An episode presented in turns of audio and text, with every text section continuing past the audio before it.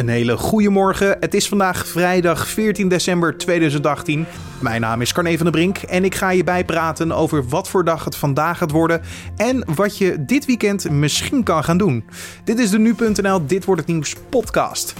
De economische positie van vrouwen is verbeterd. Dat blijkt uit de vandaag verschenen Emancipatiemonitor van het Centraal Bureau voor de Statistiek en Sociaal en Cultureel Planbureau. Tussen 2015 en 2017 groeide het aantal vrouwen met werk. Ook nam de gemiddelde arbeidsduur van vrouwen toe, van 27 naar 28 uur per week. De economische zelfstandigheid van vrouwen steeg van 58 naar ruim 60 procent, maar vrouwen onderling verschillen in economische positie. Vrouwen met een laag onderwijsniveau en vrouwen met een niet-westerse migratieachtergrond werken minder vaak en zijn minder vaak economisch zelfstandig. Deze verschillen zijn de afgelopen 10 jaar niet kleiner geworden. Er staat nog veel meer in het rapport en daarom belde ik met Janet Fase. Zij is de directeur van het platform Woman Inc. Dat platform streeft naar een wereld waarin vrouwen gelijkwaardig zijn aan mannen. Dan moet je denken aan thema's zoals geld, gezondheid en beeldvorming. Alleen hoe kijkt zij naar dit rapport? Nou, uh, blij dat uh, SCP en CBS dit uh, heel positief duiden. Hè. De nieuwe emancipatiemonitor is uit en de economische positie van vrouwen is verbeterd. Zo luidt de kop. Maar ik moet je zeggen dat ik van mijn positie denk, wat gaat het langzaam? Het zijn maar procentpuntjes per jaar. Die had ik ten opzichte van vorig jaar bijna kunnen voorspellen. En ik mis even de versnelling op een aantal uh, onderwerpen. Want hoe, hoe merkt u dat dan? Nou, als je kijkt, uh, hè, er zijn natuurlijk een aantal, uh, beginnend bij het goede nieuws, dat is altijd fijn, hè, een aantal mooie ontwikkelingen uh, te markeren. bijvoorbeeld meer vrouwen in techniekopleidingen en ook meer mannen op VMBO-niveau in de zorgopleidingen. Dat vind ik een hele leuke constatering waarmee er iets aan die stereotype beelden van beroepskeuze blijkt te veranderen. Tegelijkertijd zie je, hè, 80% van degenen die in de zorg en welzijn werken zijn nog steeds vrouwen. En dat laat denk ik een beeld zien, uh, hè, typisch voor Nederland, hoe enorm genderstereotyp, dus hoe enorm er in man-vrouw stereotypen wordt gedacht en gehandeld. En dat is iets wat we echt, denk ik, moeten gaan doorbreken. -hmm. Jullie zijn daar natuurlijk ook vol mee bezig. Uh, wat merken jullie hiervan in de praktijk? Nou, wij merken dat heel vaak uh, mannen en vrouwen al lang anders zijn of anders willen dan in allerlei stereotypen naar voren komt. Hè. Dus om een idee te geven, um, uh, mannen en vrouwen willen eigenlijk werk en zorg uh, gelijker gaan verdelen dan ze nu doen. Maar een werkgever vraagt bijvoorbeeld aan die man niet of hij ook mantelzorgtaken heeft en nu er een baby komt misschien iets minder wil gaan werken, maar vraagt dat aan een vrouw wel vraagt aan die vrouw weer niet: hey, zou jij een uurtje meer willen werken? En uh, op die manier houden heel veel mensen, denk ik, stereotypen in stand. Terwijl eigenlijk de grote gemeente al lang anders zou willen. Mm -hmm. Ik heb wel het idee dat, nou, ik, ik weet niet of het er goed in zit, ik ga die vraag ook naar jou stellen, dat we de afgelopen paar jaren wel constant erover praten. Dat we het inzichtelijk maken voor iedereen dat de emancipatie hoog op ieders agenda staat. Of zit ja. ik hier volledig mis? Nee, het is absoluut een onderwerp wat veel opener in gesprek is. Uh, dat voel ik ook. Wij als Women bestaan al 13 jaar. Er wordt steeds meer over gesproken. En tegelijkertijd heb ik het idee dat heel veel mensen ook letterlijk in de praktijk, hè, hashtag hoe dan, gewoon niet zo goed weten hoe ze het anders kunnen doen en anders moeten doen. Als je nou kijkt dat vrouwen ook, hè, ook goed nieuws voor het eerst hoger opgeleid zijn dan mannen dan zie je uh, vervolgens dat ze hun arbeidsmarktpositie nog niet echt kunnen verzilveren met die hogere opleiding. En dat is ook weer omdat er achter de schermen een heel stereotyp beeld is over dat zij toch in ieder geval voor alles de zorgtaken moeten vervullen. Uh, en uh, we elkaar daar ook maatschappelijk op blijven afrekenen. Uh, als een vrouw meer gaat werken, krijgt zij heel veel ingewikkelder vragen dan als een man meer zou gaan werken. Dus ik denk dat het gesprek erover goed gaande is. Maar ik denk dat zowel vrouwen en mannen, maar vooral ook professionals heel vaak nog niet echt een stimulerende rol in, in emancipatie spelen. Dat zou veel meer kunnen. De hashtag hoe dan wordt nog niet actief echt gebruikt. nee, die kan je op zoveel dingen toelaten. Die vinden we niet man-vrouw specifiek genoeg. Maar een concreter voorbeeld. Hè, als je nou bedenkt dat Nederland qua vaderschapsverlof echt tot vorig jaar zo achterliep. Hè. Twee dagen kregen mannen betaald uh, verlof. Uh, dat hebben we nu voor het eerst weten uit te breiden met een enorme lobby um, naar vijf dagen betaald verlof. Dat wordt vijf weken. Hè. Nu wordt er gesteggeld over wie het moet betalen. Maar daarmee heeft de overheid natuurlijk ook enorm lang het signaal afgegeven dat zorg niks voor mannen is. En uh, ook daar, hè, in beleid, we hebben een hele goede minister op emancipatie, minister van Engelshoven. Maar ik hoop dat in dat torentje op vrijdag niet alleen zij zich druk maakt over emancipatie, maar ook bijvoorbeeld de minister van Financiën, Wopke Hoekstra. Dat hij ziet dat er een enorme business case financieel te halen is voor de BV Nederland. Maar dan moeten we wel op allerlei niveaus beleid echt gendersensitief gaan maken. Echt gender-emancipatiebeleid gaan voeren. En dat doen we nog niet. Mm En wat is jullie rol hierin? Wat willen jullie de komende tijd hier nog gaan veranderen? Nou, wij, wij zien de samenhang tussen al die onderwerpen. Hè, om bij die arbeidsmarktpositie maar even te blijven. Het gaat dus en over aandacht voor werkzorg. En dus ook kinderopvang en vaderschapsverlof bijvoorbeeld. Het gaat en over een loonkloof van 15,5 procent die er nog steeds is. Waardoor als mannen en vrouwen nu aan de keukentafel gaan praten... wie gaat er een uurtje meer of minder werken... is de rekening soms snel gemaakt. Het gaat erover dat we nog steeds enorm weinig mensen op de topposities hebben zitten, vrouw. dus dat, daar lopen we ook internationaal achter. Al die dingen hangen samen en die zouden gelijk moeten worden aangepakt. Maar wat ik ook heel belangrijk vind om te benoemen, is dat uh, het onderwerp beeldvorming, hè, waar we eigenlijk op begonnen, um, uh, uh, iets is waar mensen de impact van moeten zien. Dus ik zou de emancipatiemonitor eigenlijk ook aanraden om de volgende keer, behalve de arbeidsmarktpositie van vrouwen, ook de ontwikkelingen in beeldvorming mee te nemen over mannen en vrouwen. Bijvoorbeeld in de media is het zo dat vrouwen veel minder vaak in een expertrol komen. En uh, dat het uh, veel gemakkelijker is om stereotypen van vrouwen te laten zien over hun zorgrollen of hun uiterlijkheden. en op het moment dat beeldvorming niet gelijkelijk wordt aangepakt met alle vragen rondom arbeidsmarktpositie, denk ik dat we uh, misschien volgend jaar uh, weer maar die luttele procentjes hebben. Als je een versnelling in emancipatie wil gaan organiseren, moet je ook echt beeldvormingsprocessen aan gaan pakken. Deze kritiek uit jij, maar hoe ben jij er dan mee bezig? Zijn jullie hier actief op dit moment mee bezig? Jazeker, wij zijn enorm actief op beeldvorming. We hebben een campagne gelanceerd die heet Beperkt Zicht. Daaraan wordt heel mooi duidelijk hoe in ons allemaal, hè, dus net zo goed in mij als in jou, we heel traditioneel en stereotyp denken over mannen- en vrouwenrollen. Met allemaal grappige raadsels. Hè. Ik weet niet of je dat raadsel kent van uh, de chirurg en dat we allemaal in ons hoofd meteen aan een man denken. Nou, dat soort dingen zitten allemaal in campagne beperkt zicht. Maar we zijn ook in een coalitie begonnen met mediamakers zelf. Om te kijken welke rol zij zelf spelen in beeldvorming. Welke vraag wordt er aan mensen gesteld in een talkshow? Welk beeld wordt er gebruikt als er een expert wordt neergezet? Is dat een man in een witte jas of is het een vrouw in een witte jas. Het zijn heel vaak heel onbewuste keuzes en daar proberen we uh, die mediamakers bewust van te maken. Je de directeur van Woman Inc., Janet Fase. Vandaag is de laatste dag van de klimaattop in Polen. Gezanten van bijna 200 landen hebben zich de afgelopen twee weken bezig gehouden met de gevolgen van de klimaatverandering en wat er tegen te doen. Deze klimaattop komt drie jaar na de historische conferentie van Parijs, waar landen beloofden maatregelen te nemen om de opwarming van de aarde te beperken. Die moest onder de 2 graden blijven en het liefst zelfs onder de 1,5 graad. Wij zijn nu twee weken verder en de onderhandelingen zijn nog in volle gang. Daarover sprak ik met de Nederlandse klimaatgezant Marcel Beukenboom. Want hoe staat het ervoor? Het staat er nu voor uh, dat het heel erg uh, chaotisch is. Uh, er gebeuren hier ontzettend veel dingen tegelijkertijd nu. op verschillende niveaus. Er zijn allerlei ministers die gevraagd zijn om onderdelen van het proces te leiden. En dat zijn altijd koppeltjes van twee. Een, een, minister uit een ontwikkeld land en een minister uit een ontwikkelingsland. En samen proberen die de delen van de onderhandelingen vlot te trekken. Of uh, daar tot besluiten te komen. Dus dat is een deel van het uh, proces. En het tweede is dat er op expertniveau, op hele technische details, uh, ook nog verder onderhandeld wordt. En eigenlijk zien we dat er over de hele linie voortgang geboekt wordt.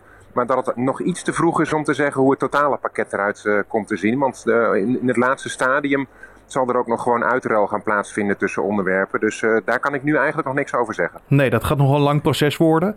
Uh, u bent er twee weken geweest. U bent uh, echt onze Nederlandse gezant geweest. Dus u weet heel veel wat er allemaal heeft gespeeld. Ehm, wat waren het voor twee weken? eigenlijk hetzelfde beeld. druk. Dus op heel veel vlakken wordt er onderhandeld. Dat doe ik niet allemaal zelf. Er is een, een heel groot team hier van de EU. Wij onderhandelen hier als de EU samen. Met een aantal leidende onderhandelaars van, uh, die, dat namens uh, alle 28 lidstaten doen. En uh, dat proces is gewoon twee weken doorgegaan.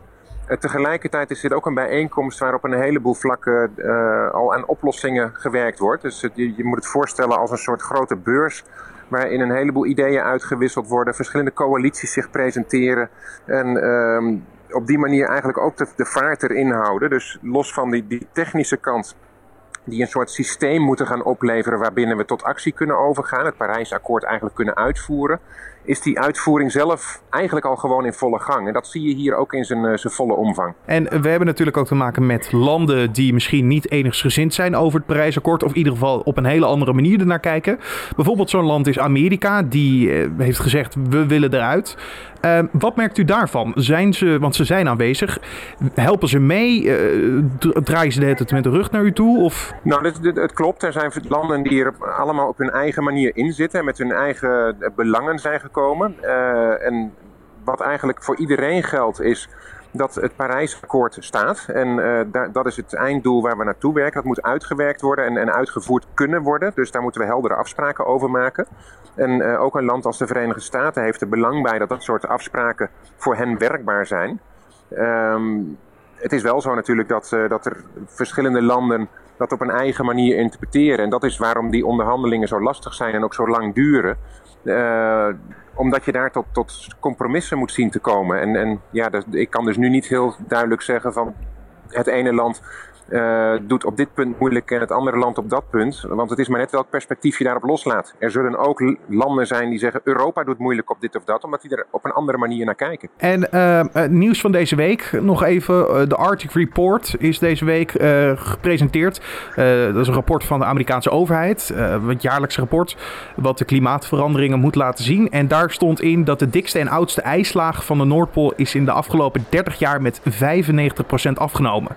Hebben jullie dit rapport rapport ook meegenomen nog in de onderhandelingen, in de besprekingen? Het is, het is een van de, de rapporten uh, die eigenlijk de wetenschappelijke basis vormen onder wat we hier doen.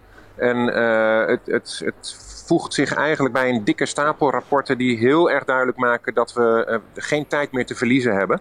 En dat is een deel van, het, van de discussie hier. In hoeverre moeten we die wetenschap erkennen? Daar zitten wij en daar zit de Europese Unie heel stevig in. Wij, wij verdedigen die, eh, die wetenschappen met, met hand en tand. Uh, maar er zijn anderen die dat willen, wat willen afzwakken. Dus dat is, dat is een van de discussielijnen uh, die je hier tegenkomt. maar in die zin worden ze allemaal meegenomen. Hoe, hoe gaat het er verder uitzien? u verwacht vrijdagavond, misschien zaterdagochtend, een uiteindelijk presentatiemoment? Ja, dat is in ieder geval wat de agenda is. En ja, er, er, zijn nog tientallen, zo niet honderden agendapunten open die, die op conclusie wachten. Het Poolse voorzitterschap maakt uh, bekend wanneer die uh, tot conclusie kunnen komen. En ik heb de indruk dat ze dat uh, getrapt willen gaan doen. Dus dat ze in een eerder stadium al misschien wat onderdelen waar al, al besluitvorming op plaats kan vinden, dat ze dat ook al gewoon willen gaan doen. Maar dat is, dat is een van de, van de opties. maar uiteindelijk het totale pakket zal vrijdagavond laat, zo niet zaterdagochtend vroeg afgehamerd worden. En dan uiteindelijk is het klaar. Is het dan uh, vol alle acties ondernemen en op naar de volgende klimaattop in 2020? Wat hier afgesproken moet gaan worden is dat handboek met, uh, met praktische regels. En dat is iets wat natuurlijk uiteindelijk geïmplementeerd moet gaan worden. Daar moeten landen mee aan de slag. Maar ehm, dat is nooit af. Hè? Dus daar, daar, zullen onderdelen toch ook weer opgepakt moeten worden door uh, instellingen die, dat, uh, die, die, daarmee aan de slag moeten gaan. Volgend jaar is er alweer een volgende top. Dus niet in 2020, maar in 2019 al. Okay. Uh, maar die in 2020 is wel een belangrijke. Want dat is het moment waarop alle landen hun nieuwe nationale plannen klaar moeten hebben. En waarin dus ook duidelijk moet worden dat alle landen collectief de lat hoger gaan leggen. Want u weet dat wij hebben afgesproken in Parijs dat we op anderhalve graden opwarming maximaal willen uitkomen, of 2 à anderhalf. Uh, maar dat alle plannen die daarvoor zijn ingediend ons niet op die koers zetten. Dus uh, we zullen de ambitie omhoog moeten bijstellen. En dat is uh, een proces dat hierna in gang gezet gaat worden. Je hoorde de Nederlandse klimaatgezant Marcel Beukenboom.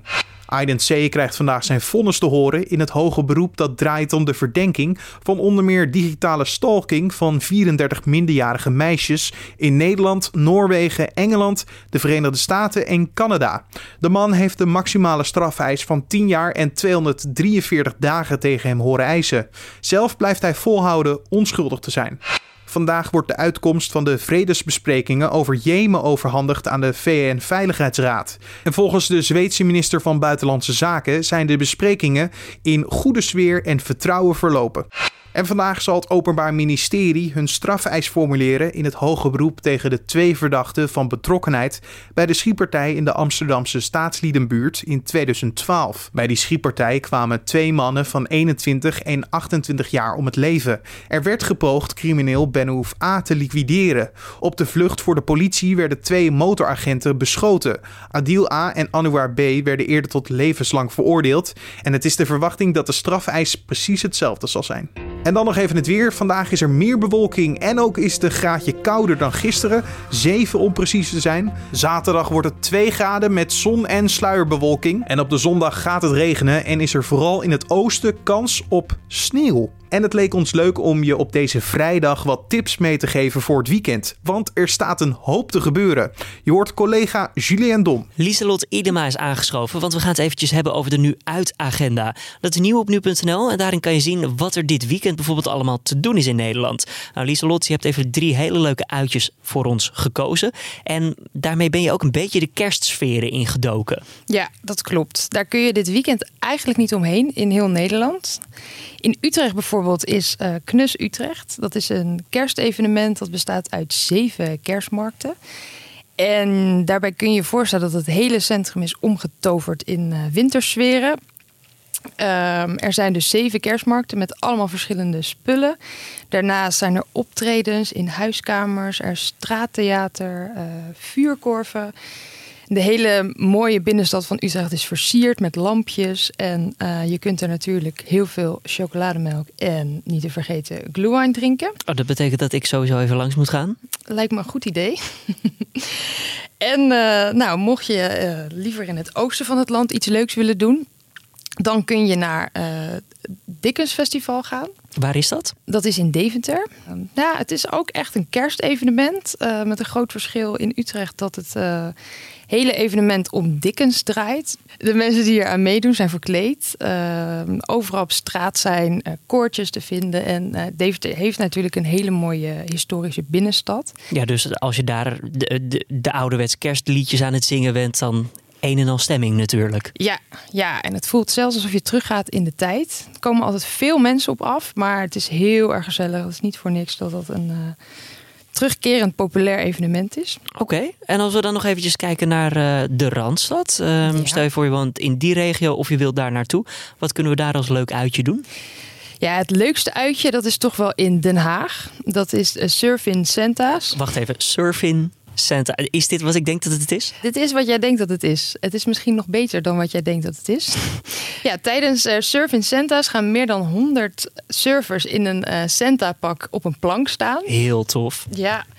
En uh, nou, ik denk dat het vooral leuk is om naar te kijken. Maar mocht je zelf kunnen surfen en het zien zitten om in zo'n pak je plank te bestijgen en de zee op te gaan, dan. Mag dat gewoon? Ja, en meedoen is gratis. Hoe zijn ze hierop gekomen, Lieselot? Wat is natuurlijk best wel een leuke, ludieke actie. Ja, ze zijn hierop gekomen. Uh, het idee was een recordpoging om zoveel mogelijk surfende uh, kerstmannen het water in te krijgen. En die uh, recordpoging ja, die is een beetje uit de hand gelopen tot dit evenement. En naast de recordpoging is er ook een surfwedstrijd. En uh, nadat er gesurfd is, is er een afterparty. En ik kan me zo voorstellen dat als je met deze temperaturen in het water hebt gelegen. Uh, in zo'n uh, Santa pak, dat je best toe bent aan een, aan een feestje en een borrel. En dit was dan de Dit Wordt een Nieuws podcast voor deze vrijdag 14 december. Je vindt de podcast natuurlijk elke maandag tot en met vrijdag om 6 uur ochtends op de voorpagina van nu.nl en in je favoriete podcast app. Je kan ons laten weten wat je van deze podcast vindt. Dat kan via podcast.nu.nl of in een recensie in iTunes. Mijn naam is Carne van der Brink. Voor nu een goede vrijdag, een mooi weekend en natuurlijk tot maandag.